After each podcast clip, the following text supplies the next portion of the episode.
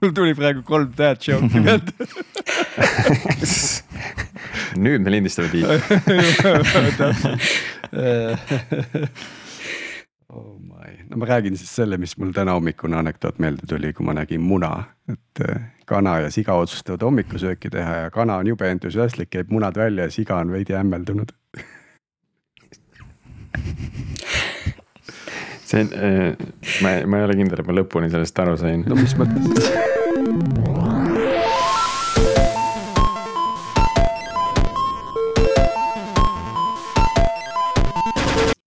tere jälle Algorütmi kuulama, eetris on meie kahesaja kahekümne kolmas episood, mille toovad teieni Pipedrive, Nortal ja Veriff.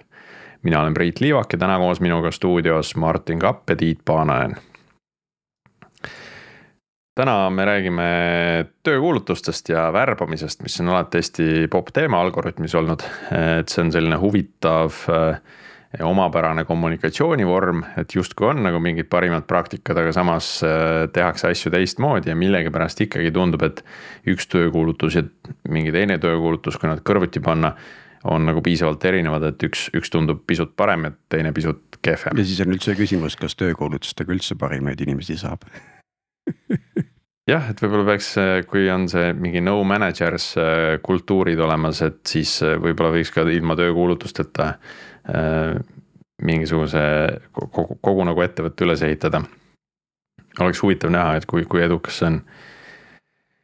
ja külas on meil täna seda teemat äh, lahkamas äh, siis Lauri Koobas Bondorast, kes tegelikult selle teemaga meile lauale tõi, et tema on see kuidas öelda siis, kellel on täna kõige rohkem arvamust, et vaatame ja kuulame. ja, ja teisel pool on siis äh, Talent Hubist Katariin Tull, kes äh, äh, siis proovib seda parimate praktikate poolt meieni tuua äh,. et ma, ma loodan, et sul on ka siis palju, palju ettepanekuid, et kuidas seda asja paremaks võiks teha või kuidas seda asja õigesti võiks teha, nii et tere tulemast. tere, tere. tere, tere et ma hakkan siit äh, ühe huvitava mõttega pihta, et, et kuna ma selle episoodi jaoks võtsin ette väga mitmeid töökuulutusi, mida üle lugeda, äh, siis äh, noh, võib-olla küsimus kõigile, et millal te viimati enda ettevõtte töökuulutusi vaatasite? noh, ilma, et te oleks olnud osa mingisuguse värbamisprotsessis, et oleks pidanud kokku panema seda, et noh, läheks kodulehele, vaataks, kuidas täna kirjutatakse töökuulutusi. kohe vaatan, mis seal on kohe mõni kuu tagasi ikkagi vaatasin, kui, kui keegi ütleb, et äh, kuulge, et jagage, et me värbame kedagi uut, et siis, äh, siis ma ikkagi vaatan üle, et. Äh, et, et mitte jagada asju, millega ma päris nõus ei ole. mina soovitan minna vaatama, sest näiteks minu jaoks oli ka üllatav näha, kui palju meie töökuulutused on, on muutunud ajas et kuidagi nagu noh, mingi vibe on teistsugune, kui, kui see oli äh, X aastat tagasi. ja, ja peab tunnistama, et üldse polnud piinlik, väga positiivne positiivne nähtus on, et kui sa loed enda ettevõtte töökuulutust ja pole piinlik. noh, Tiit, äh, vaatasid üle? vaatasin jah, ma, mul oli nagu meeles, et meil oli careers veriff.com, aga tuleb välja, et veriff.com slash careers hoopis mm siin on pilte inimestest, no tegelikult jah, see on päris, meil Veriffis on tõesti hästi palju erinevaid inimesi äh,.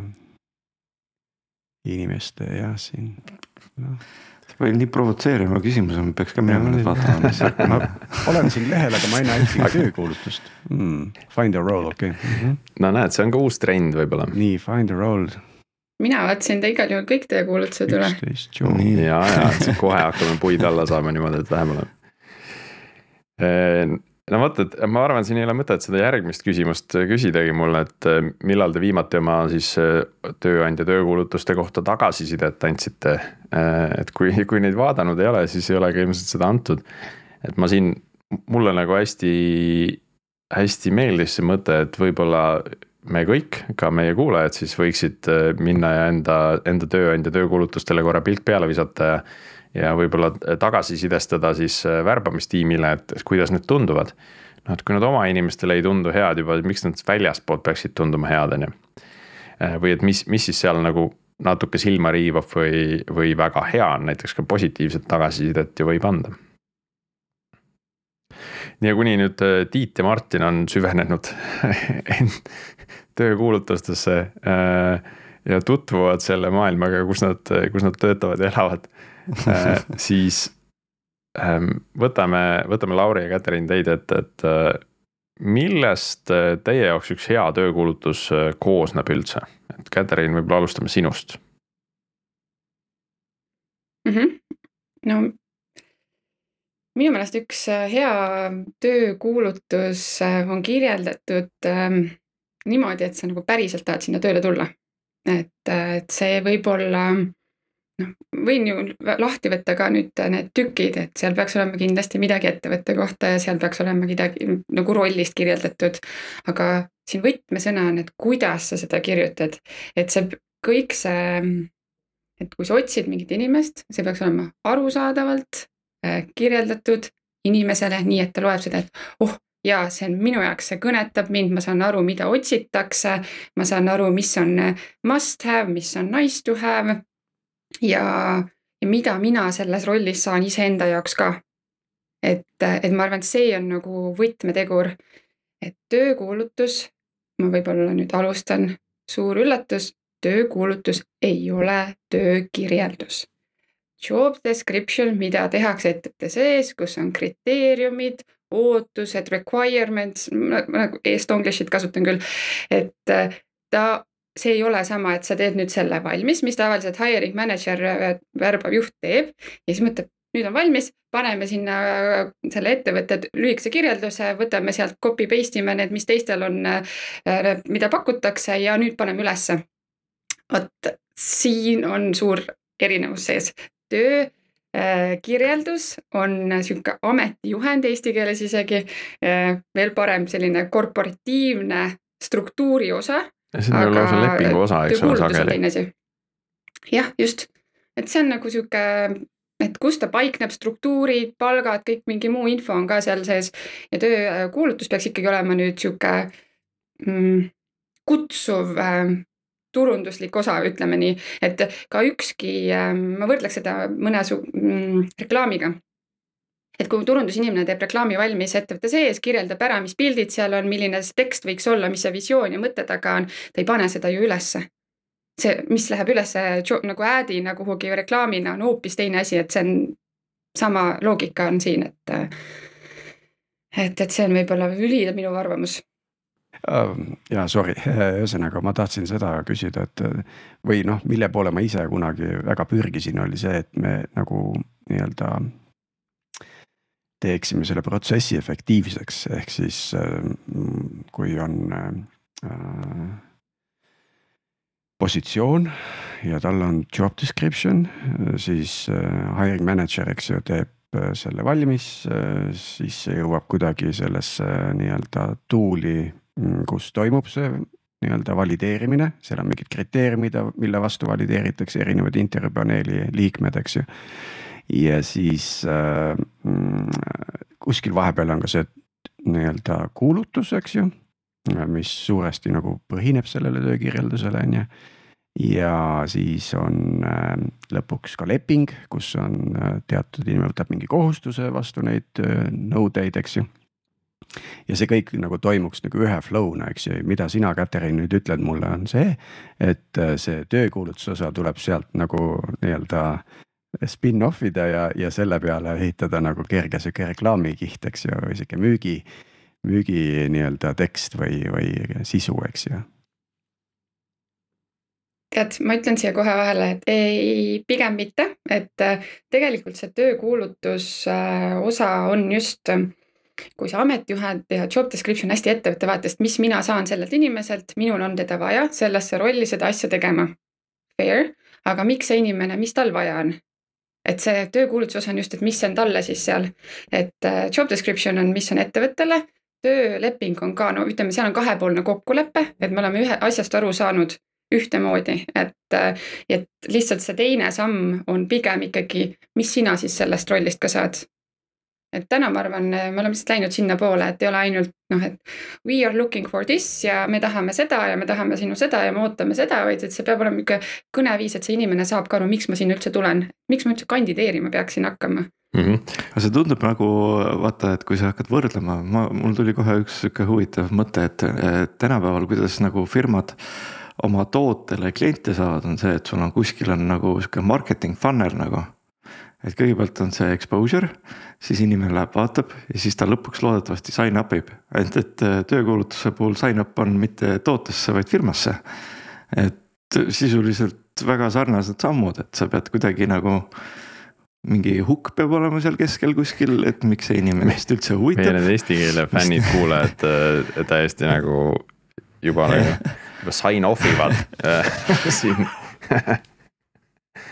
aga sellepärast täna tänapäeval räägitaksegi tööandja brändingust mm, -hmm. et see ongi nagu suurem teema, et, et see ei ole ainult äh, see töökuulutuse või selline äh, värbamisturunduslik osa, vaid see on pigem äh, kõik see muu ka seal juures, et mis on need sisemised väärtused, pakkumised ja kuidas sa peegeldad seda väljapoole ja, ja see funnel ongi tehtud üldiselt siis seal on oma töötajad, kes on võib-olla saa-, brändisaadikud ja, ja kõik see on üles ehitatud nagu. nii, aga nüüd selle töökohustusega ma üritan tabada siis kandidaatide nii-öelda soove. ehk siis ma match in need kandidaadid, kes siis vastavad nendele sellele töökuulutuses kirjeldatud tema poolt aktsepteeritud nii-öelda momentidele. ja need, kes ei match'i, siis need ei kandideeri oota, see on, see on veel keerulisem mm., aga enne kui me sinna läheme äh,, Lauri, kuulaks korra sinu ka ära, et äh, hea töökuulutus sinu jaoks äh,, millest see koosneb? Ehm, no kõik need asjad, mida Katrin mainis, aga ma äh, tegin terve jaanuarikuu üle päeva LinkedIni postitusi, kus ma lihtsalt siis nagu kommenteerisin erinevate andmerollide töökuulutusi Äh, LinkedInis, et äh, mis seal on ja mis seal paremini saaks olla. ja enamasti nii-öelda reaalse töö kirjeldamise poole pealt on puudu see, et, et kui suur see tiim on või et, või et kellega sa siis suhtled iga päev.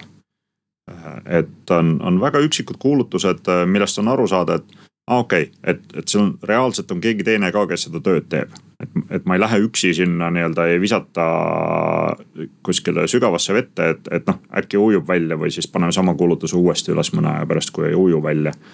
et see on tegelikult äh, hästi oluline, eriti just äh, nende rohkem karjääri alguse rollide puhul äh,. Mm -hmm. ja, ja andmerollid on samamoodi, et noh, data engineer'e on enamasti ettevõttes üks või, või võib-olla kaks aga see on nagu väga erinev kogemus, et kas sul on keegi teine seal veel või sa hakkad kõike üksinda haldama.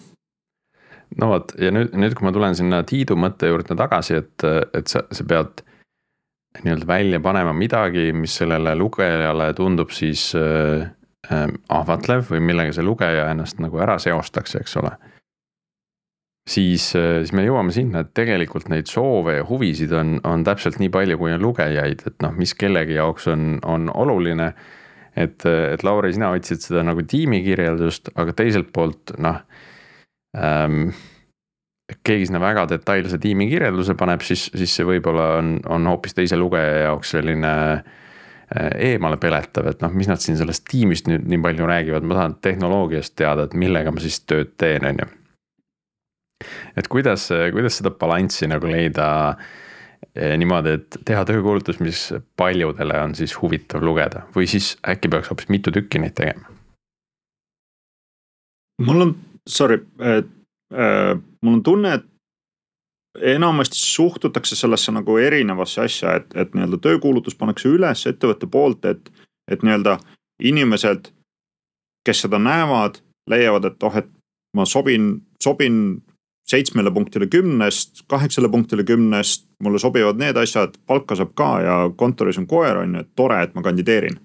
aga nii-öelda lugeja poole pealt äh,.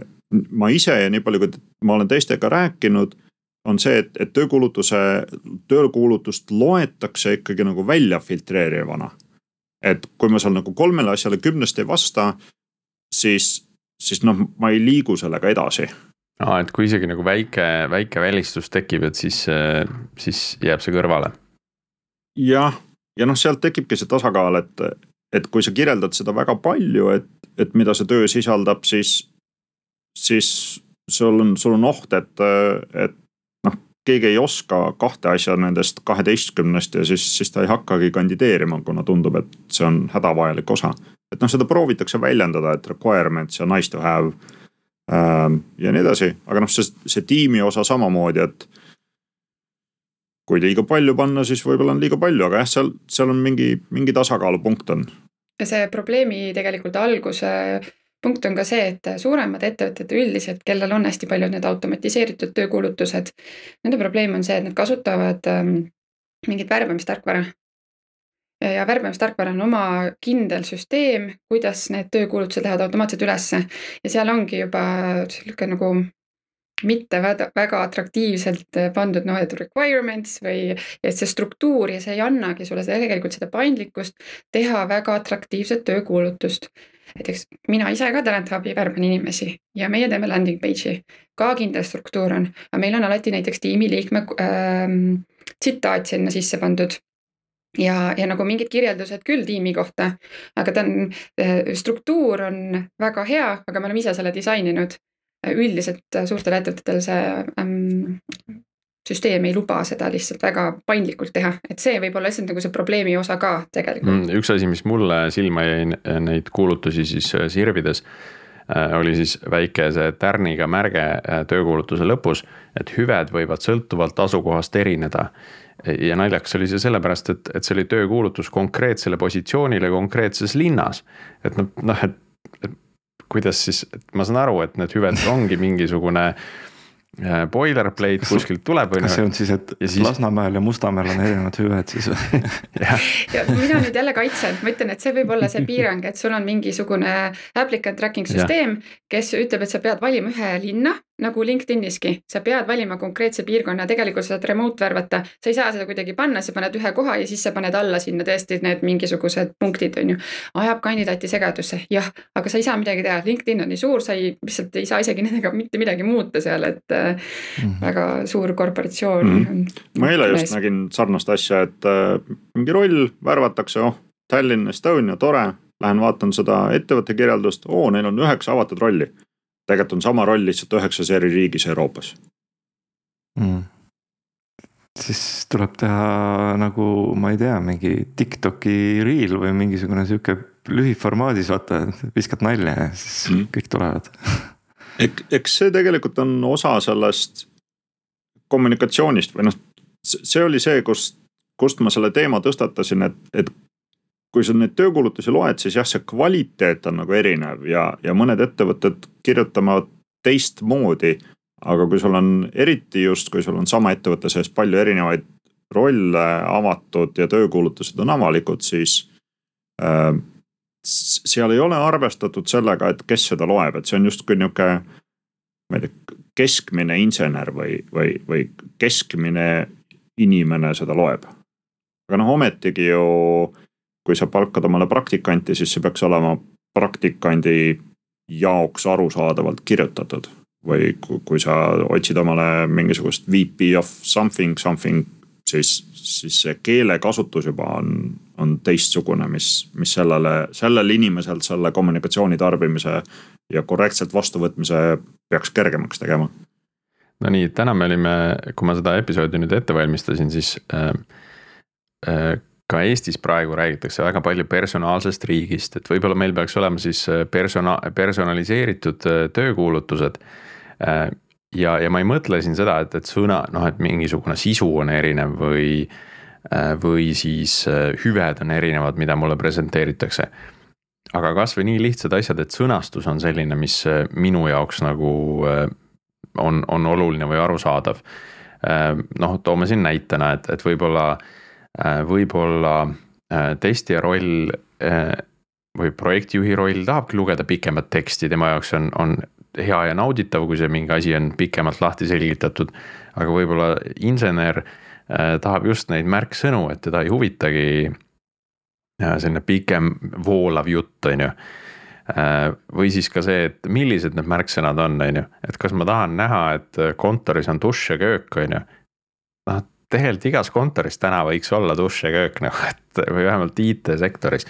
et, et mul ei ole vaja seda nagu sinna eraldi välja kirjutada, et see jätab sellise äh, imala mulje sellest, sihukese mageda mulje sellest töökuulutusest, et äh, hei, hei, et meil saab kohvi ka nagu noh, et IT-sektoris on nagu päris, päris äh, juba nagu vaikimisi eeldus see, et see on olemas aga personal, personaliseeritud äh, pakkumised on ju olemas, et need tulevad ju potstatavad igale ühele personaalselt postkastidesse.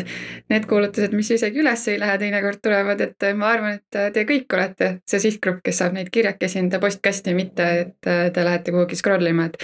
et tegelikult äh, ega see on ka nüüd see teine teema võib-olla selle kaardi teine pool, et, et tegelikult üks asi on see töökuulutus. Äh, võtame jälle suurema ettevõtte, kus on, ma ei tea, viissada sada või tuhat töötajat, väga palju, ühe värbaja kohta liiga palju rolle on käes, ta ei jõuagi personaliseerida neid töökulutusi liiga palju, teebki, paneb need lihtsalt ülesse. aga enamus tööd tehakse ära näiteks headhunting'u kaudu või võetakse otse ise siis ühendust kandidaatidega, et, et see võib olla ka nagu ütleme, see põhjuslik pool, et miks need töökuulutused endiselt ei ole liiga atraktiivsed aga siis me jõuame na Aga natuke sinna Tiidu mõtte juurde tagasi, et võib-olla võiks üldse neist loobuda siis, kui suur osa tuleb ikkagi läbi headhunting'u ja, ja otsekontaktide kaudu, on ju, et ma arvan, et see on jällegi turunduslik osa mm. -hmm. jah, aga see... et oleks see teostatav selles mõttes, et kas, kas Eestis või, või võib-olla kuskil mõnes muus riigis, et on see äkki mingi, mingi nõue ka, et kui sa tahad kedagi tööle võtta teatud suurusest firmast alates, et kas sul peavad olema avalikud töökuulutused või ei pea või kas meil on üldse? ei, vaevalt see mingi nõue on. mina kusjuures sattusin ühe ettevõtte peale, kes. konkurentsiturg näiteks tööturg, no ma ei kujuta ette tegelikult. ma olin Microsoftis mõned aastad tagasi, siis seal oli küll minu arust see nõue, et töökuulutus pidi vähemalt mingi aeg avalik olema. aga siis sellest nii-öelda mindi mööda läbi selle, et kirjutatigi väga spetsiifiline töökuulutus, kui sul oli juba sisemine kandidaat olemas. ja noh, reaalselt tehti selliseid mm. asju. jah, meil oli see avalik kolmkümmend päeva, aga mitte keegi ei kandideerinud, sellepärast et noh, mitte keegi aga ei vasta. see on mingisugune ettevõtte, ettevõtte policy teema nagu, et, et Jep. sisemistele positsioonidele, et kui sa teed nagu äh, ülendad kedagi, otsid juhti ettevõtte seest, et siis pead justkui selle avatuks tegema kõigile. kuigi sa tead nagu, et sul on see inimene olemas juba no üldine DAI policy ka, et, et sa oled nagu mitmekesine, võrdsed võimalused, et kui sul on üks väärtus, et selle ja sa oled börsiettevõte näiteks, siis sa pead seda nagu näitama välja, et meil on iga kord kuulutus, sul on mingid reeglistikud, mingid põhimõtted, mille järgi sa töötad, et. et kindlasti on, aga, aga ma ei arva, et ainult äh, näilikult peaks tegelikult neid töökuulutusi panema, et tegelikult ikkagi kandideeritakse ka ähm,. oleneb nüüd, mis sihtgrupp on, täna kindlasti kandideeritakse ka natuke rohkem et, et sellele võiks nagu rohkem tähelepanu pöörata ka. ja nii palju tööriistu, nii palju vahendeid on ka, et kuidas teha tegelikult äh, oma töökulutust nagu lihtsate vahenditega natukene paremaks, aga ma koputaks ikkagi nendele värbavatele juhtidele südamele, et ma ei arva, et see on ainult värbaja roll kirjutada nüüd üks hea töökuulutus, et. et see on tegelikult värbava juhi vastutus, et kui sa lähed ikkagi vaatama, siis on lõpuks tema nagu tema valib, valib selle inimese, tema tahab seda inimest, et ta võib ekspertidelt abi küsida, loomulikult tagasisidet, sisendit, aga lõplik vastutaja on keegi teine. Ühesõnaga lame töökuulutus räägib sinu tulevikubossi. no vot nagu, ma võib-olla mina ütleks, et seal ei ole nagu seda kompetentsi olemas tegelikult, et seda head töökuulutust kirjutada et äh, samamoodi mm. nagu igal arendajal ei ole seda technical writer'i töö kompetentsi on ju, et, et kirjutada head kasutusjuhendit mingisugusele asjale. Äh, ja võib-olla noh, et seal. et see, see võib hästi välja kukkuda, aga see ei ole nagu iseenesestmõistetav, et nüüd äh, ja. jah, et üks juht peaks oskama suurepäraselt müüa oma positsiooni, kuigi tal võib olla jube hea ees nagu ettekujutus sellest, et kui lahe tema tiimis on ja niimoodi ma ei mõelnud müüa, ma ütlesin, et tema vastutab selle mm -hmm. eest, et see tuleks hea, et olla nõudlik, oli minu äh, kommentaar, et ole nõudlik, tea, mida sa tahad, et. et, et selles mõttes äh, natukene nagu mõelda ennast kandidaadi vaatest ja ma ütlen, kasuta eksperte, kasuta värve. ja just, just, just, just, et, et see ekspert ei ole ainult tuule. siis nagu see arendaja, kelle tiimi sa seda inimest värbad, on ju. et äh, õiged punktid kirja saada, aga just kasutadagi ka copy, copywriter'it ja marketingi inimesi, kes, kes nagu suudavad selle äh, selle, selle maandumislehe nii-öelda teha hästi loetavaks ja sirvitavaks. et noh, mina nägin nagu ühte sellist, sellist lehte, kus ei olnudki äh, väga palju äh, kirjas siis konkreetseid töökuulutusi, vaid oligi rohkem nagu ettevõtte kirjeldus, eks ole. ja mingis mõttes see mind isegi nagu frustreeris selles mõttes, et, et noh, ma lähen sinna otsima, ma tahan töökuulutusi näha. ja, ja siis ma satun mingile lehele, mis kirjeldab nagu ettevõtte kultuuri ja seda, kuidas tööd tehakse ja. ja umbes, millised projektid neil on. Ja siis ma otsisin, et aga kus see, kus need töökuulutused on, noh, et ma tahan nagu seda nuppu, nuppu. et, et mulle tundub, et siin on ka see probleem, et, et isegi kui neid asju teha nagu väga hästi. ja et sul on ilus loetav jutt, on ju, ja see on atraktiivne Äh, siis me oleme ikkagi mingisuguses äh, äh, raamis nagu harjunud elama, et meil mingis mõttes see töökuulutus nagu täidab seda, seda ootust. jah tuli veel üks lisamõte, lisamõte sellega seoses, et, et tegelikult see esimene nii-öelda intervjuu või esimene kõne, mille tavaliselt teeb see nii-öelda vär, mitte värbav juht, vaid see noh. HR-ist keegi staffing'u tiimist, eks ju, lihtsalt skännib üle, on ju. et see saab ju olla ka vägagi äh, töökuulutuse osa teatud mõttes, eks ju. et äh, eraldada mingid teemad nagu sinna, võtta nagu see protsess kontrolli alla, et, et sa tead, mis, millest seal räägitakse ja, ja mi, mida ei puudutata, et. et see on ka üks, üks ja seda saab ju tegelikult välja öelda, et, et noh nagu lisainfo tuleb siis äh, nii-öelda mm -hmm. esimeses intervjuus. nii, aga kui nüüd seda marketingi inimest käepärast pole, siis võib-olla me anname meie kuulajatele mõned pisut konkreetsemad soovitused ka, et mida siis teha või, või millest siis hoiduda. Et... selle, et lase chat GPT-l see valmis kirjutada. jah, jah, lisaks sellele et.... oi, oi, oi nii äh,, siit ma võin kohe kommenteerida, et võib lasta kirjeldada küll, aga siis sa saad ikkagi selle töökirjelduse üldiselt, et äh, nad ei ole rohkem võime, võimeline sinna rohkem midagi juurde lisama äh,. mina ütleks, et äh, tiitel konkreetne, mingid wizard'id ja mingid muud asjad, et äh, millest mitte keegi aru täpselt ei saa, mis see siis on, äh, ei pea sinna panema, võib-olla kunagi oli äge, täna ikkagi ei ole nii äge. Kindlasti mingi ülevaade ettevõttest, ähm, kes on, millega tegeletakse, ähm, rollist ülevaade, mm, siis mis on ootused, aga selles keeles, ähm, et mida see inimene saab teha, mida sa tuled siia tegema, mis sulle pakutakse ja proovida näiteks lihtsalt äh, kõik, mida sa tahaksid kirjutada. meie otsime, kasutada teist keelt. sinu võimalus on et we asetada you'ga igal pool, et need on hästi lihtne väike harjutus, mis on väga suure efektiga tavaliselt. et ma oma, meie klientidel peal alati teeme selle läbi ja muutub oluliselt paremaks siis kasutada, kui on chat-GPT-st ja üle lastud need põhiasjad seal sees, arusaadav, keda otsitakse ja ka need, mida pakutakse, on selgelt sõnastatud, et mitte liiga umbmäärane, siis ma soovitan veel kasutada Hemingway editori.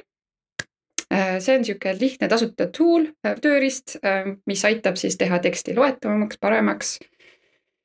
ja viimaseks lasta läbi gender decoder'ist et tuvastada ära, mis on maskuliinsed sõnad, äh, mis on toon kuulutuses, kas ta on piisavalt mitmekesine.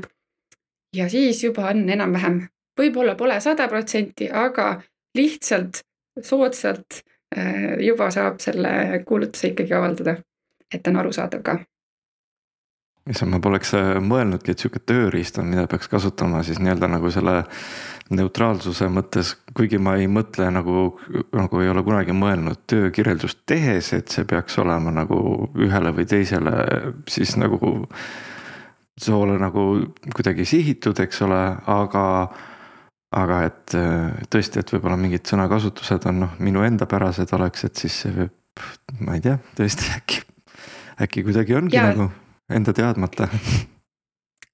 Paratamatult on ja tehnilises maailmas paratamatult on natuke rohkem maskuliinsem, et, et need sõnad tal annab, tuvastab kohe, see on teadusuuring suur Ameerikas tehtud põhitõdedel siiamaani, kuidas üldse kogu selline mitmekeelsuse, mitmekeel-, kesisuse maailm töötab, DAI, et, et, et ta on nagu, ei ole lihtsalt niisugune tööriist, mis siis keegi kuskil välja mõtles, vaid et, et seal on akadeemiline uurimustöö taga sellel ka, et, et aitab väga lihtsalt muuta juba jälle natuke paremaks.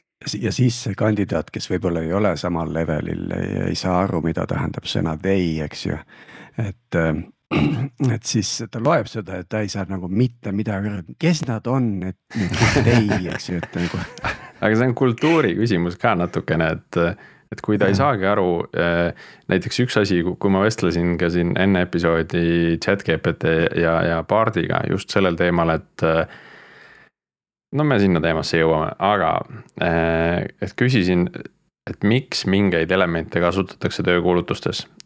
siis, siis näiteks üks põhjendus oli ka see filtreerimise osa, et sa kasutadki sõnu ja, ja suhtumisi töökuulutuses, mis on sinu ettevõtte kultuuris, kultuurile omased. ja kui keegi loeb seda ja sellest theist aru ei saa, no sorry, siis võib-olla see ettevõte mm -hmm. ei mhm. olegi nagu nende jaoks mm. -hmm no ütleme, et see konkreetne süsteem, mida ma nüüd soovitasin, et see ei ole väga, ta muudab üksikud sõnad natukene pehmemaks võib-olla või ta ei, ta ei tee nüüd su töökuulutust selliseks, et mitte keegi sellest aru ei saa, et ta teeb väga loetavalt seda, et, et see ei ole üldse nii nii suure nagu mõjuga, aga. ta on lihtsalt selline abi, abiline, eks ole, mis aitab esile tõsta mingeid asju või, või äh, aitab mingit äh, suuremat fopaad ära hoida aga ma lisaks, lisaks mõned asjad sinna juurde, et Katariin rääkis sellest äh, struktuurist väga hästi ja mida see sisaldama peab, aga just tehniliste rollide puhul on see, et. Äh, et mõnikord on see, et just need väljendid, et has experience with või noh, et omab kogemust või siis uh, knowledge of, et on kuulnud millestki. või siis uh,, või siis öeldakse konkreetselt, et, et on viis aastat käed küljes kogemust ja need, need tihtipeale on suht suvaliselt kasutatud ja ja, ja see sealjuures on ka siis see tehnoloogiline stack, et, et seal on üks serv on see, et noh, et on näinud arvutit. Äh, et noh, see on ilmselgelt nagu liiga üldine, aga teine pool on see, et et noh, et on mingisuguse Python kolmkümnega kolm pluss aastat kogemust, et noh, see on jällegi nagu liiga spetsiifiline. ja, ja seal on mingi tasakaalupunkt, et, et kui see ei ole paigas või need on nagu liiga üldised, et umbes, et äh, oled töötanud pilveteenustega. et noh, see justkui nagu filtreerib, on ju, aga teiselt poolt see on liiga üldine, et kui sul keegi tuleb siis intervjuule ja ta ei ole kunagi nagu Amazoni teenuseid näinud ja siis ta on küll arvutit näinud, näinud, aga mitte sülearvutit, et noh, siis noh, et, et see, see on liiga üldine. et seal annab ka nagu päris palju mööda panna. ja mina tunnen seda ka just nagu värbaja positsioonil olles Äh, ka nagu CV-dest, et äh, mida kirjutatakse, eks ole, et kogemus mingi tehnoloogiaga. Või kaks aastat kogemust Kafkaga, no mis see tähendab, et kas sa siis kaks aastat järjest oled nagu seda Kafkat kütnud või et. või sa oled kaks aastat olnud projektis, kus möödaminnes on Kafka ja mingi admin paigaldas selle ära ja seadistas selle ära. ja sina arendajana kasutad lihtsalt mingit äh, sõnumivahetusprotokolli, mis on ka mingi raamistiku poolt implementeeritud, et sa isegi ei tea, kuidas see lõpuni töötab. aga sa oled mingi API endale selgeks saanud et, et seda tasakaalu on nagu hästi raske leida äh, ja noh, mõlemal poolel, nii nende nõuete kirjapanemisel kui siis ka näiteks CV-s enda, enda võimete kirjeldamisel. et, et kuidas nagu selliseid süvaoskusi, süvaoskuste ootusi nagu kirja panna, et see on, see on kindlasti väljakutse. Aga. aga siit küsimus sulle, et kui sa loed sellist CV-d, eks ole, ütleme. siis kui tähtis see sinu jaoks on, et ta päriselt teab näiteks mingisuguses positsioonis, kuidas see Kafka sisemiselt töötab. võib-olla tal ei olegi vaja. No vot, seal ongi see aususe koht nagu, et, et, et äh, kui ta, kui ta paneb sinna kirja, kui ta lihtsalt kergelt selle ringi sõnastab, et. et olen töötanud äh, projektis, kus kasutati neid tehnoloogiaid, on ju, kasutati Kafkat. või siis, et tegelesin Kafka optimeerimisega mingisuguses suures, suures paigalduses. noh, need on täiesti mm. erinevad nagu tööülesanded, aga annavad hoopis teistmoodi kogemuspagasi ka nagu, et kui mul on lihtsalt arendajat tiimi vaja, kus on Kafka. Väga hea, sobivad võib-olla mõlemad, aga kui mul on vaja Kafkat optimeerida, siis see inimene, kes sellega lihtsalt on kokku puutunud nagu päris hästi ei, ei sobi, on ju. aga seda nüüd nagu nõudena kirja panna, noh on, on nagu raskem, et siis ma peangi juba kirjeldama, et mida ma tahan, et see inimene teeb, on ju, et mul on vaja kedagi, kes mul Kafkat tuleks optimeerima. või et mul on vaja arendajat, kes ühes projektis, kus on Kafka, hakkama saaks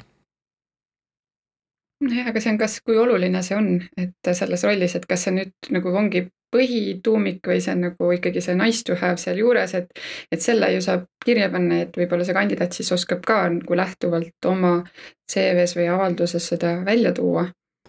Ja, ja ma annaksin siin võib-olla ühe soovituse veel, et, et kui ongi nagu nice to have, et siis mõelda kaks korda, et kas see on nagu päriselt piisavalt nice to have, et see sinna kulutusi üldse panna et sellist äh, filtreerivat lugemist äh, olen mina nagu proovinud harrastada nagu enda tekstides ja. see on nagu hästi huvitav, kui palju saab tegelikult välja rookida mingisuguseid sõnu või mingisuguseid fraase, kui sa, kui sa sihilikult üritadki mingit teksti lühemaks või lihtsamaks teha, on ju. et töökuulutustel ka seda kindlasti hea rakendada minu meelest on veel huvitavam osa, kuidas on need, mida pakutakse osa. et kui sul on äh, see läheb nagu hästi lõbusaks, sest seal on hästi, seal on nüüd küll ettevõtted väga loomingulised alati. sinna kirjutatakse ikka igasuguseid asju ja, ja mulle meeldib, kui ongi hästi tehniline roll, et ma just eile lugesin ka, et äh, oodatakse PHP arendajat, oskab midagi SQL-ist, tore. ja siis on, äh, mida pakutakse, on võimalus õppida uusi tehnoloogiaid. siis mul nagu tekib küsimus, mis tehnoloogiad, mis see seal siis uus on või et kas siis on juuniorid otsite, et tema jaoks on võimalus õppida neid tehnoloogiaid. Täpselt nagu, et nii tühi lause, kui üldse olla saab sellises kuulutuses, mis asja, mis, mis. ja igal pool on võimalus õppida uusi tehnoloogiaid, lihtsalt äh, lõpetad tööpäeva ära ja lähed ja õpid. Ähm. no on tegelikult nagu räägib hoopis teist juttu, ehk siis kõik töö on nii track itud, et äh, see on eraldi võimalus, kui nagu on see õppimise koht ja see ma mm,, ma ei tea, kas ma päris tahan siukest lasteaias toimetada. aga ei, see, see on hea point, Tiit, ma pole niimoodi seda, seda vaadanudki, et kuidas, et üritada analüüsida, et mis seal taustal on. aga Käterinu äh, äh, mõttele lisades veel neid äh, tühje fraase, mida mina hommikul töökuulutustest leidsin, olid siis äh, toetav tiim, pakume toetavat tiimi äh,. pakume siis äh, tasuvat palka või noh, nagu et äh, konkurentsivõimelist palka. Äh, ja, või siis ka, et otsime initsiatiivikust inimestel. Äh, ja pakume sõbra, et, et saad töötada sõbralikus ja abivalmis siis kollektiivis. Ähm, et noh, need on sellised nagu tühjad fraasid, et, et mis paneb nagu mõtlema, et et vot miks sa selle, miks sa selle sõbralikud, abivalmid ja hoolivad kolleegid nagu siin välja tood, et järelikult on kõik sarkastilised äh, jopskid et kas see on nagu mingi mingi teema, mingi võimalus, et ei ole, et ole hea, too need siis välja, kui, kui ei ole, et töötad nagu ma ei tea, raskes kollektiivis nagu, et keeruliste isiksustega. Kui, kui suur on nagu tööturg nendele inimestele, kes äh, nagu ütlevad selle peale, ei, ma ei taha. ei, ma ei taha. ma tahan ise teha, ma, ma ei taha, et mind aidatakse kogu aeg et need on, need on nagu sellised tühjad fraasid, mis no justkui ühelt poolt saaks nagu välja noppida ja see oligi tegelikult see, mille pärast ma selle Bardi ja chat GPT-ga suhtlesin et tuleb välja, et ikkagi on mingi väärtus nagu selliste tühjade fraaside eh, hoidmises eh, oma töökulutuses. kuna need eh, tekitavad sellise positiivse emotsionaalse tooni kogu sellele tekstile. ehk siis võib-olla siin on nagu, võib-olla siin tagasi tulles nagu selle Lauri mõtte juurde, et, et kolm punkti kümnest, millega ma ise seostan ennast või mis noh, mis minuga nagu klapib et, et siis, kui need äh, nii-öelda tühjad fraasid on sees, et siis, siis ma klikin nagu võib-olla rohkemate teemadega ära, on ju, et. et ma loen seal seda viite hüve. vaatan, et ahah, õlleklubi õlut ma ei joo, see pole huvitav, eks ole, vaatan, et ahah, spordisoodustused, sporti ma ei tee, see pole ka huvitav, aa sõbralikud kolleegid, päris hea, okei okay., et vähemalt üks on nagu olemas et seal nagu mingi, mingi point on, aga äh, Katariin, võib-olla sinule küsimus, et et kas neid on üldse võimalik nagu kuidagi paremini sõnastada või mida nagu sellise, äh, selliste asjadega teha, et, et need oleksid mitte nii tühjad fraasid?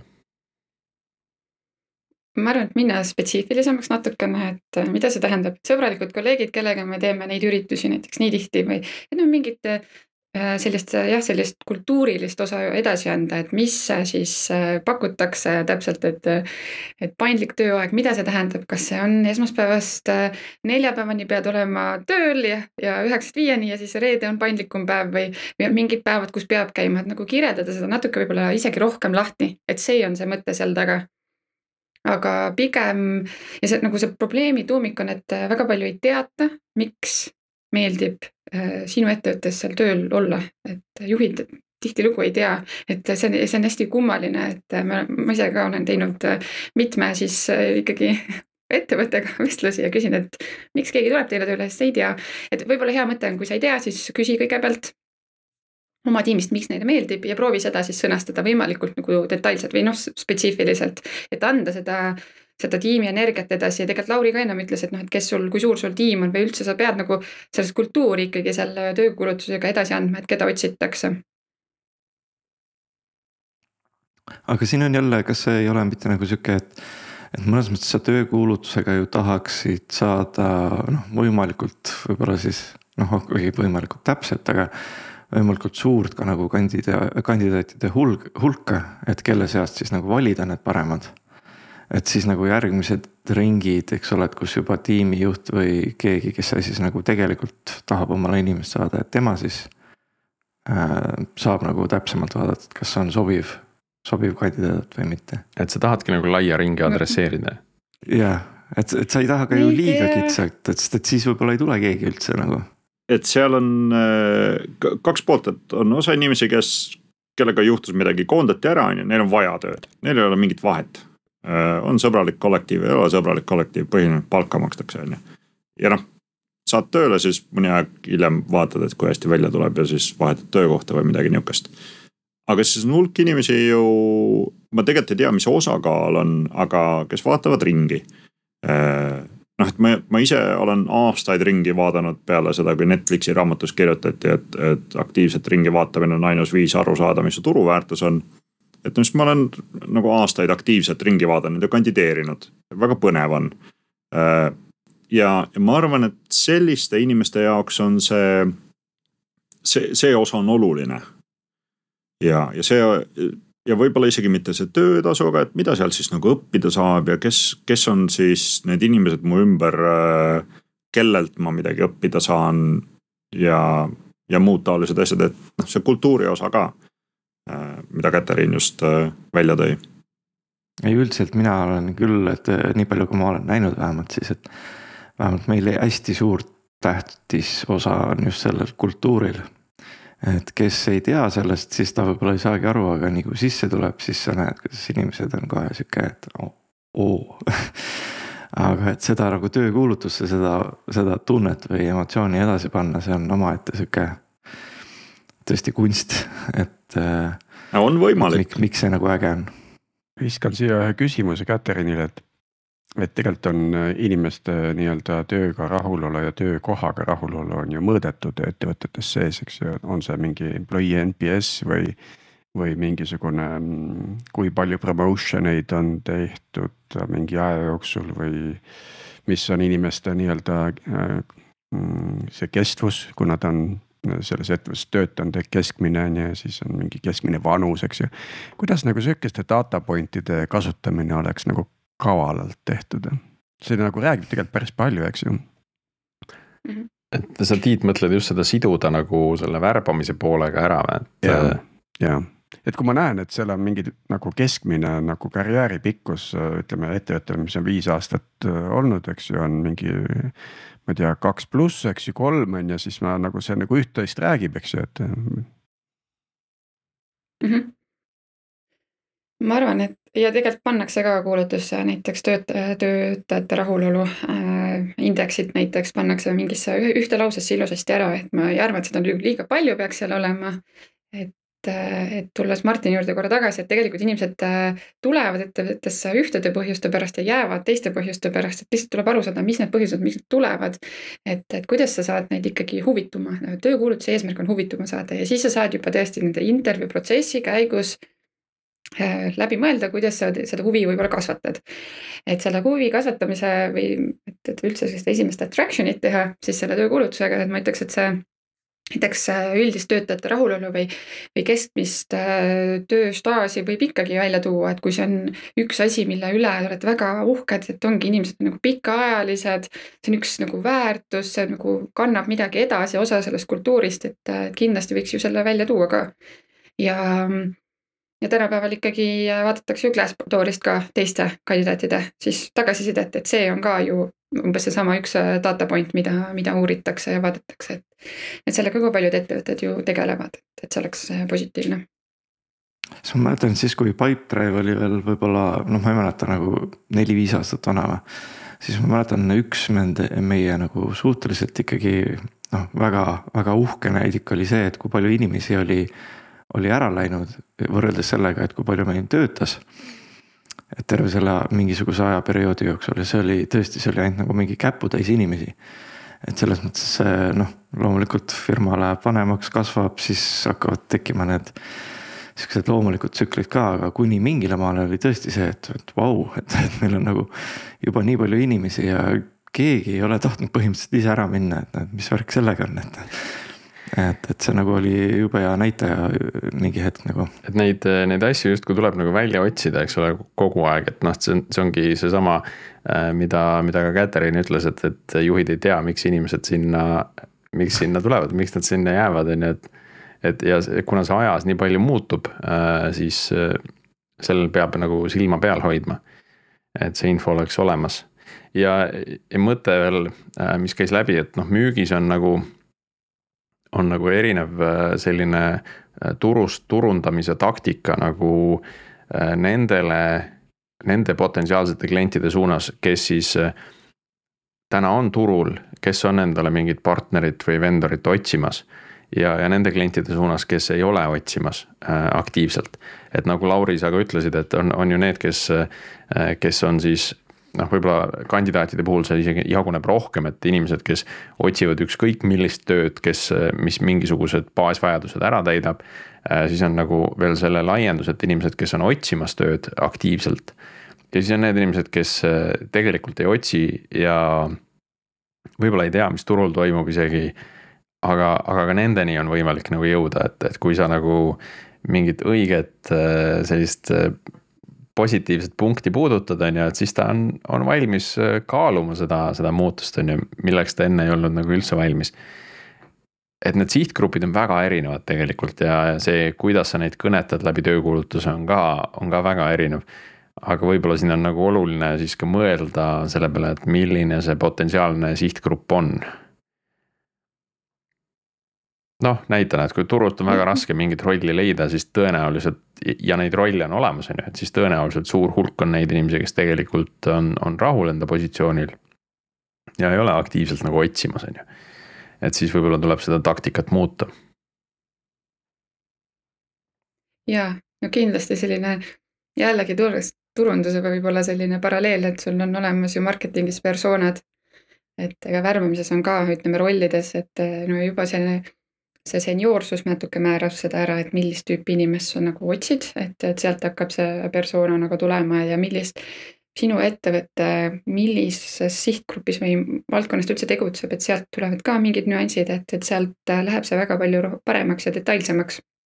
loomulikult kõigil ei ole lihtsalt ressurssi äh, seda nii põhjalikult teha, aga, aga mida suuremaks läheb ettevõte, seda rohkem ma arvan, et selle peale mõeldakse ka.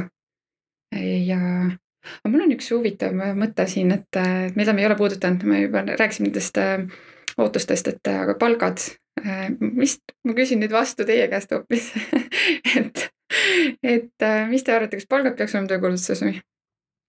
palgavahemik võiks olla küll, mina küll arvan, et peaks, võiks olla. mõtlen, kui ma praegu läheks töökuulutusi vaatama, siis ma arvan, ma kuulutusest võib-olla ei ootaks vähemalt seda, ma ei tea võib-olla see oleks hea, kui seal on, aga, aga ma ei. see saadab tegelikult saadab väga kõva sõnumi ka ja tegelikult see on noh, eriti sellises palgalõhe tingimustes on minu arust see nagu killer äpp tegelikult. et, et, et inimesed tulevad ja nad nagu teavad, mis see vahemik on. jah. see annab tegelikult hästi kõva sõnumi ka konkurentidele, kes ja. palkavad samal ajal, et ja. tead te, te tehke, mis tahate, me tahame, oleme nõus sihukest raha maksma sest noh, põhimõtteliselt sellega sa tegelikult avalikustad palgad ettevõttesiseselt ka, eks ju. ma värbasin aasta tagasi kahte inimest oma tiimi ja siis seal oli konkreetne palganumber oli kuulutuses. ja toimis hästi? toimis hästi. aga vot see on selline üks huvitav komponent, mida töökuulutusse panna, et et kui noh, milliseid huvitavaid komponente veel siis on, mida, mida kõik ei kasuta, aga, aga vahel kasutatakse, et et üks huvitav, mida mina leidsin, oli siis selline äh, onboarding'u kava kirjeldus töökuulutuses, et millised, milline näeb välja sinu esimene aasta. kolm punkti mm, -hmm. et mhm. kahe kuu jooksul sa teed ilmselt seda, äh, kuue kuu jooksul sa oled jõudnud nii kaugele ja aasta jooksul sa oled selliseid asju teinud. Ehm, noh, jälle, sorry et mitte väga palju kasutatud, on ju, aga kas, kas sedalaadi komponente on veel, et mida, mida üksikud ettevõtted võib-olla on kasutanud, aga mitte paljud? ma ennem ütlesin, et äh, mul on üks, üks kehva näide võib-olla ma nägin ühte töökuulutust sellist, et kus oli, et tööpäev on õhtul kella kuueni siis me anname sulle kolm tundi vaba aega perega veeta ja ma ei tea, lapsed magama panna, oligi kuidagi niimoodi kirjutatud äh, Ameerikas. ja et kella üheksast hakkavad meil uuesti kõned, et siis ootame sind tagasi arvuti taha õhtul, et ähm, et nagu hästi ausalt oli kirjeldatud, nagu oligi täiesti äh, äh, liiga võib-olla au või noh, ma ei tea, et, et sa saad siis mingisugust inimesi ka sellega, aga ma ütlen, et siis see peaks olema kuidagi siis kompenseeritud või et see peab olema kuidagi võrdeline, aga see oli väga-väga, väga aus no. see on teine, teine viis, kuidas. Nad isegi. ja, ja see on teine viis, kuidas öelda, et not flexible working hours, et sa ei taha seda panna nagu niimoodi, et noh, negatiivne, aga kui sa kirjeldad hästi konkreetselt ära, siis see tundub nagu aus ja otsekohene, et okei okay,, et et. korralik ootuste juhtimine, sa ei, sa ei pea sada korda rääkima, et mm. -hmm. sa pead kell üheksa tagasi olema ma mõni päev tagasi just nägin ühte Eesti reklaamettevõtte nii-öelda müügirolli ja seal oli konkreetselt välja toodud äh, nagu läbivalt selles kuulutuses, et me paneme hullu. ja et su palk sõltub sellest, kui palju sa töötad. me töötame väga palju. kui sa tahad palju töötada ja palju raha saada, siis tule siia mm,. aga ja noh, see oli nagu tore selles nagu... mõttes, et jah, see, see säti nagu. kes selle läbi loeb ja keda see kõnetab, ta nagu teab väga hästi, mis teda seal ees ootab. ja jah, ja noh, see, ma arvan, et see toimib nagu filtrina, et ja, ja kui on selline keskkond, siis on ju mõtet ka niimoodi äh, seda, seda ootust, äh, ootust sättida selgelt keskmine läbipõlemise aeg kaks aastat kolmekümnel protsendil töötajatest jah, siis ise võid otsustada, kui, kui tugev oled või kui hästi sa suudad juhtida. Ehm, jah, et äh, trend, mida mina olen näinud äh, üha rohkem ja rohkem, on ka sellised äh, just need nii-öelda positiivsed tunnustused ettevõtte kohta või siis ka näiteks Glassdoori mingid positiivsed väljavõtted. mis, võib-olla see viimane ei ole nagu kõige parem näide, et noh, et et päris halb on, kui sul Glassdooris ei ole mitte ühtegi positiivset asja, mida, mida siis välja noppida, aga kui sul seal nagu mõned on, mida sa enda kodulehele saad panna, et see ei ole piisav. et, et noh, et alati võid kirjut-, palud sõbrale kirjutada ja siis saad selle tsitaadi endale kodulehele panna Äh, aga see tunnustamise pool nagu, et mida nagu ka mingid äh, uuringufirmad on nagu noh, Eestis on ka palju neid võistlusi, kus osaletakse, eks ole, et äh, see on küll minu arust hea asi, et, et loetleda üles äh,. olen kuulnud ettevõttest, kus katseaja edukaks läbimiseks ühe, üheks eelduseks oli positiivne review Glassdooris. kontrolliti jõhker. hea sundimismehhanism see on sihuke nagu eetika ka piiri peal juba tundub natukene olevat, aga noh no,, jah jah, huvitav, aga sa paned nagu viis tärni ja kirjutad, et mind sunniti seda kirjutama, et muidu on tore ettevõte, aga mulle hästi ei meeldi, et mind sunniti seda kirjutama. Nad andsid mulle idee seda kirjutada. aga võib-olla äh, nüüd, kui, kui nendele auhindadele näiteks kandideerida ei, ei saa, mida väiksemad ettevõtted või, või et nad võib-olla ei kvalifitseeru sinna nii, nii suurelt, et siis on variant alati oma töötajatest lugusid teha. Ja need sinna postituse selle töökuulutuse mm, alla ka ära kuidagi tag ida, et, et inimeste lood, kes siis päriselt töötavad, et no miks nad tulid ja kuidas neile meeldib, mis nad hindavad, et natuke võib-olla sellist jällegi sise, siseinfot saada, et kui keegi on huvitatud, siis need inimesed tahavad natuke rohkem lugeda ja nad guugeldavad. Äh, et see info, mis sealt Google'ist neile siis nagu vastu vaatab, et, et selle üle ka siis nagu korra mõelda ja, ja ja vaadata. aga ma ütleks, et siin peab samu põhimõtteid järgima nagu töökuulutustele, et kui need inimesed räägivad seal videos, et, et mulle meeldib see sõbralik töökeskkond siin. noh, siis minu jaoks on see natuke sihuke cringe, et noh, et mitte midagi ütlev, et äh, sulle kirjutati tekst ette ja sa nüüd loed seda siia, mhm. et äh, sõbralik töökeskkond, mis sa ise arvad nagu, et skriptitud. skriptitud jah, see tundub skriptitud, isegi kui see võib juhtuda, et see ja. ei ole skriptitud, aga kui see tundub skriptitud, siis see on juba nagu halb. Äh, vau, keeruline teema ähm.. ma tahtsin ühte asja veel uurida, et noh, et teie siin, Katariin ja Lauri, et kes teete tõenäoliselt siis mõlemat, nii panete kuulutusi üles kui ka headhunting ut, mis see, mis see, mis see nagu ligikaudne siis nagu osakaal võiks siis olla ühe või teise tarvis, et kui palju tuleb inimesi kuulutuse peale, kes satuvad firmasse lõpuks tööle või, või kui palju nagu tuleb siis nagu otsejahist inim-, inimestega kontakteerimisest, et see nagu näitab, et kui tähtis siis see töökuulutus siis lõpuks nagu noh, on siis, eks. no mina võtan töökuulutust kui äh, sihukest toetavat materjali, mis on äh, värbamis äh, sellise müügiosa äh,, mis äh, kirjeldab lihtsalt ettevõtte olustikku, et nad on avatud, aga, aga peamine võib-olla viis, kuidas ikkagi jõuda sellise talendini, on äh, läbi aktiivselt ise ühendust võtmise ikkagi, et, et siis äh, üldiselt sellise passiivse kandidatuuri olemasolu on väga-väga suur, et äh, need, kes on avatud, jah ähm,, ega nad nüüd nii aktiivselt ei kandideeri ka, et, et sellepärast täna ütleme, eriti tehnoloogiasektoris ikkagi kirjutatakse inimestele ja vastavalt siis ähm, sellele, kas see on piisavalt huvitav äh,, tulevad vestlema. Täitsa hull mõte tuli, äh, ma loodan nüüd keegi selle kohe kiiresti ära teeb või, või võib-olla on juba teinud ja keegi teab, äh, et äh, töökuulutustel võiks ju ka see hinnangu skaala lõpus olla, et ma loen selle läbi ja on kohe nagu feedback, et kui, kuidas ma, mis ma arvan sellest töökuulutusest. et kas ma panen viis tärni, võib-olla ma ei tahagi sinna minna, ma võin ikka viis tärni panna, kui see on hea lugeda ja tore töökuulutus on ju tegelikult see iseenesest see, mis Katariin, sa ütlesid, et, et see on nagu toetav materjal on mõnes mõttes jumala hea mõte ju selles mõttes, et tõesti, et kui sa teed kuulutuse valmis. siis sa juba tead, mida sa siis otsekontaktidega nagu, millest sa rääkima pead, mis sul need punktid on, mis need põhi, põhimõtted on, et.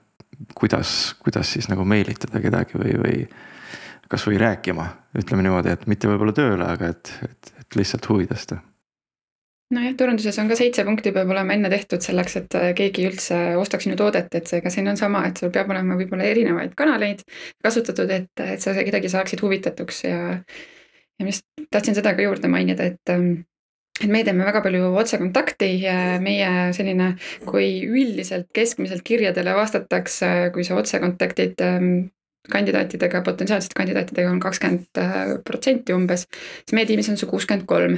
et see kiri, mida me ka saadame või see kontakt, mis me teeme, see peab olema ka väga hea. ja see on vaata just hästi personaalne, hästi sealt midagi LinkedIni profiilist võetud ähm,, nende, ma ei tea, hobide, huvide, millegi muu kohta, et seal peab olema mingi see hukk olemas, et me hästi palju Slackis jagame seda, et äh, paljud äh, just tehnoloogia inimesed ütlevad, vau, et noh, nii tore, et, et kiri on jumala äge, et ma tegelikult ei ole avatud, aga nii ägedasti kirjutatud, et äh, tõesti nagu tundub nagu hästi palju sihukest positiivset tagasisidet tuleb et töökuulutustele jah, tõesti ei tule, aga sellistele personaalsetele kirjadele sa saad hinnata, et no mis töötab, mis mitte, et. et siis äh, ai-d veel kasutusele pole võtnud? jah, ei ole, et see on, ma ütlen endiselt sellise kondikava paikapanekuks väga tore äh, kasutada, aga, aga see osa on nüüd küll meie enda sihuke kätetöö, milles me ennast ka kogu aeg harime, et kuidas saada paremaks, sest et see ei ole ka nii äh, lihtne, et, et, et, et kirjutad lihtsalt, kes on parem kirjutaja, et seal on omad mingid tehnikad, mida peaks jälgima. see natukene tundub miiniväli. Sorry, Katrin, äh, selles mõttes, et ähm, kui ikkagi ma saan kirja, kus on nagu palju miksitud personaalseid detaile. Tiit, ma sinule küll ei saadaks, ma ei saadaks sulle kunagi pikka kirja. sulle ma saadaks hoopis teistsuguse kirja yeah., kui sa tahaks teada, kuidas ma sulle tead? kirjutan. et äh, Priidule ma tean, kuidas ma kirjutaksin ka mm., Laurile ma tean ka väga hästi, kuidas ma kirjutaksin. sulle ma saadaksin lühema kirja, et äh, tead, on olemas ka sellised tööriistad, mis hindavad sinu LinkedIn'i profiili, millist suhtlusviisi sa eelistad, milline inimene sa oled. et aga me lähme nüüd nagu sellisesse sellisesse laekasse, et et, et sellest me võime veel rääkida, mul on mõtteid ja, ja sisu oleks anda küll, et lihtsalt igalühel on natuke omamoodi lähenemine ka, et. Äh. no kons-, konsultatsioonis on nagu see selline teema täitsa, et kui sa kliendile lähened, eks ole, et sul on mingi, sul on mingi idee, mida sa tahad müüa talle. ja mõeldagi, et kuidas siis, äh, kuidas siis see inimene konkreetselt infot ammutab et äh, võid ju vaadata tema saadetud e-kirju või siis jälle tema tehtud presentatsioone, et kas ta räägib rohkem numbritest või ta räägib rohkem lugudest ja, ja siis saad talle ka läheneda enda ideega sellises stiilis, mida tema ise eelistab. et kui sa lähed numbri inimese juurde pika looga, siis ta väsib ära või vastupidi, siis, siis ta lihtsalt ei suhestu nende numbritega ja kui, kui ta lugu tahaks kuulda.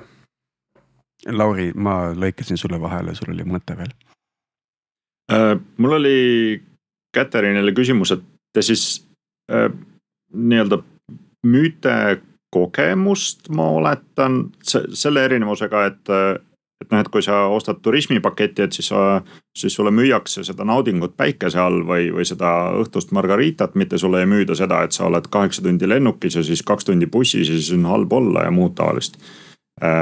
et, et noh, töökuulutuste raames on samamoodi, et, et sulle võib müüa seda kogemust, et mida sa siis saavutad või siis sulle võib müüa seda, et meil on vaja kaheksa tundi päevas ja siis sa saad X arvu eurosid selle eest. et see, need on nagu erinevad lähenemised. ja ma oletan, et nende personaalsete lähenemiste puhul te pigem keskendute selle nii-öelda kogemuse müümisele mm. -hmm ja, et äh, me ei tee kindlasti seda, et me nüüd äh, kellelgi nagu palgaga lähme, et tule, et palju sa täna saad, et me paneme kakskümmend otsa ja, ja siis saad äh, selle rolli endale, et, et seda kindlasti mitte, et. et pigem jah, seda kogemust, seda võimalust ähm, kedagi kuskil aidata teha midagi võib-olla, mis võiks olla ägedam, aga samas jällegi mitte seda pinget peale pannes, et see ei pruugi olla see, mida sa tahad teha ka, et et see on ikkagi ju inimese enda valik ja võimalus, et me oleme nagu võimaluse pakkujad lihtsalt Äh, nii, ähm, vaata sellest oleks kindlasti huvitav kuulda, Katrin, nagu veel, et äh, kuidas mm -hmm. nagu inimestele personaalselt äh, hästi läheneda, aga samas. see natukene nagu võtab ka teie sellise salajase kastme ära, et seda ka ei saa kohe nagu maailmale jagada, et kellel on huvi, siis ma arvan, Katrini kontaktid leiate üles ja saate temaga otse suhelda, võib-olla palgata just siia vahele öelda ka, et mulle meeldib üldse, et see aasta aega tagasi käisin teie podcast'is, siis me rääkisime, kuidas lastakse inimesi lahti ja, ja üldse keegi enam ei värda, värba. siis nüüd on nagu asjad muutunud, nüüd me jõuame positiivse, aasta on möödas, kõik on positiivsem, et hakkab nagu ikkagi värbamine ja, ja, ja, ja, ja räägime sihukestest nagu oportunistlikumatest võimalustest, et see on hästi tore. siis ma arvan, et aasta veel ja siis, siis me räägime juba sellest, kuidas inimesi hoida jagu samm jälle edasi, eks ole. kui, kui suuri palgatõuse teha. see on nagu see koht ma tegelikult, äh, me oleme palju rääkinud siin, et noh, et LinkedIn, eks ole, on meil see põhiasi, aga enne lõppu, et. Äh, kas, kas CV keskus ka veel töötab või? kas seal ka midagi toimub üldse? Kuidas töötab, Eestis on nagu, ma ei ole seal vist, ma ei tea aastaid, võib-olla isegi rohkem veel ma vaatasin huvi pärast äh, ja andmerolli äh, mingeid niisuguseid andmespetsialiste ja, ja andmeanalüütikuid ja nii edasi on. null ülekattuvust LinkedIniga. et, et nagu täitsa on ja, ja ma rääkisin mingi- mingite tudengitega hiljuti ja nad ütlesid, et nad vaatavad mõlemat. Et nii-öelda ikkagi teadlikkus on olemas ja mingi ja, ja on ettevõtted, kes on ühes ja ettevõtted, kes on teises ja praktiliselt ei, ei paistnud silma ettevõtteid, kes oleks mõlemas. aga see on päris huvitav nagu selles mõttes, et, et ma just mõtlen, et kui ma nüüd tahaks teada, mida üldse turul pakutakse, et kust, kuhu ma siis nagu läheks tõesti. siis sa lähed Katariinu juurde. jah, võib-olla tõesti nojah, need CV Online CV keskused, need pakuvad ikkagi võib-olla rohkem Eesti fookusega, et, et kui sul on teada, et sul on Eesti roll Eestis nagu ikkagi otsid, et siis Eesti ettevõte ka rohkem, et et kellel ei ole sellist mingit rahvusvahelist tiimi, et siis seda nagu on, on rohkem võib-olla sealpool ja, ja natuke sellised ettevõtte profiilid on ka erinevad tõesti, et et see tüpaaž on, on natuke erinev ja kandidatuur on ka, et seal on ikkagi täitsa inimesed oma CV-dega ka üleval ja seal saab ka otsingut teha sa- sarnased LinkedInile. et selles mõttes äh, toimivad jah. nii, aga LinkedIni kohta eelmine episood me kuulsime veel ühte hullu lugu äh, sellest, kuidas äh, võib-olla kõik kandidaadid ei jõuagi värbajani, sellepärast et äh, LinkedIn tegevat ise mingit filtrit äh, ja üritab ära arvata, et millised kandidaadid on pädevad või noh, on siis sobivad selle rolli jaoks ja millised siis võib-olla sul pole vaja näha, sellepärast et nad on lihtsalt äh,. Äh, ma ei tea, ei, ei sobi nagu seal nende nõuetega, mida sa otsid ähm,. kuidas on, peab paika? Mhm. ongi nii jah?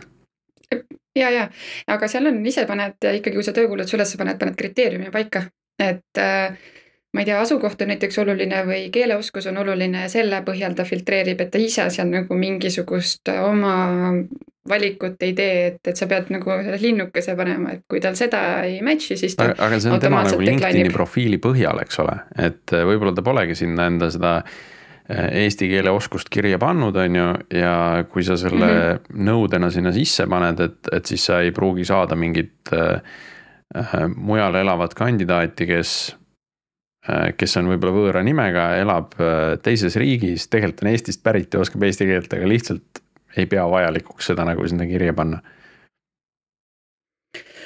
nojah, see on nagu kandidaadivaheline poolne ka probleem natukene, et, et tegelikult ju võiks see olla seal kirjas, aga äh, sa saad üle vaadata LinkedInis need äh, decline itud kandidaadid või ütleme, et keda ta siis filterdab välja, et need on Mm. mm. selles samas listis ikkagi olemas, et tegelikult nad ei lähe kuhugi kaotsi või, või nad ei, ei kao jah, et, et sul on olemas see ülevaade ikkagi. Nice, sest noh, eelmine, eelmine episood oli just lugu sellest, kuidas üks äh, mitte eesti nimega äh, kandidaat otsis pikalt. Ja t- tegelikult tal on eesti keele oskus ka olemas. ja, ja siis, kui uuriti just värbajate käest, et mis siis probleem on, et miks see kandidaat nagu erinevatele ettevõtetele ei sobi. ja siis tuli see tagasiside, et aga noh, vaata seda nime, et äh, selle pealt kohe nagu jäetakse kõrvale mingisugused profiilid. sest et need justkui ei sobi nagu äh, sellesse rolli. või ta oli selles filtris, mis võtab kas kolmandiku või palju ta neil oli, oli nagu välja võtnud, et siis ei olnud üldse nagu nähagi, et LinkedIn on viimasel ajal hakanud soovitama ka, et kuule, et, et pane need, need asjad endale juurde, et kasvõi see inglise keele oskus, et see on, see on nagu nii veider, et, et sa pead selle sinna lisama, kuigi on ingliskeelne keskkond. ja siis ta on sul skill'ina olemas ja siis mingite rollide puhul siis match ib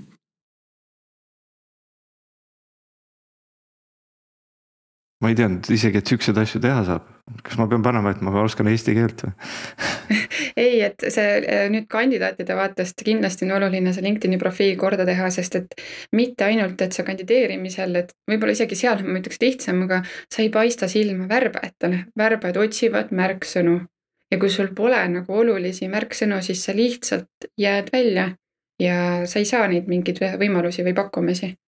et, et selle peale nagu mõelda või siis, kui sa oled äh, võib-olla nagu ma ei tea, teie siin on ju, et ei tahagi saada, siis tehakse äh, meelega spelling mistakes nagu ähm, kirjavigu endale, et äh, või mingeid muid asju, et, et just nendest otsingutest välja jääda, ma ei taha neid kirju saada näiteks. et, siis see on nagu kahte oh, ma viisi. seda profiili tahaks näha, kus on hästi-hästi nagu vigaselt kirjutatud mingid asjad ja siis üritad äh, siis äh, tõsiseltvõetavana näida nagu ülejäänud maailmale lihtsalt värbajaid ei taha. Me, me time you money. ja just, just, just, just ähm,.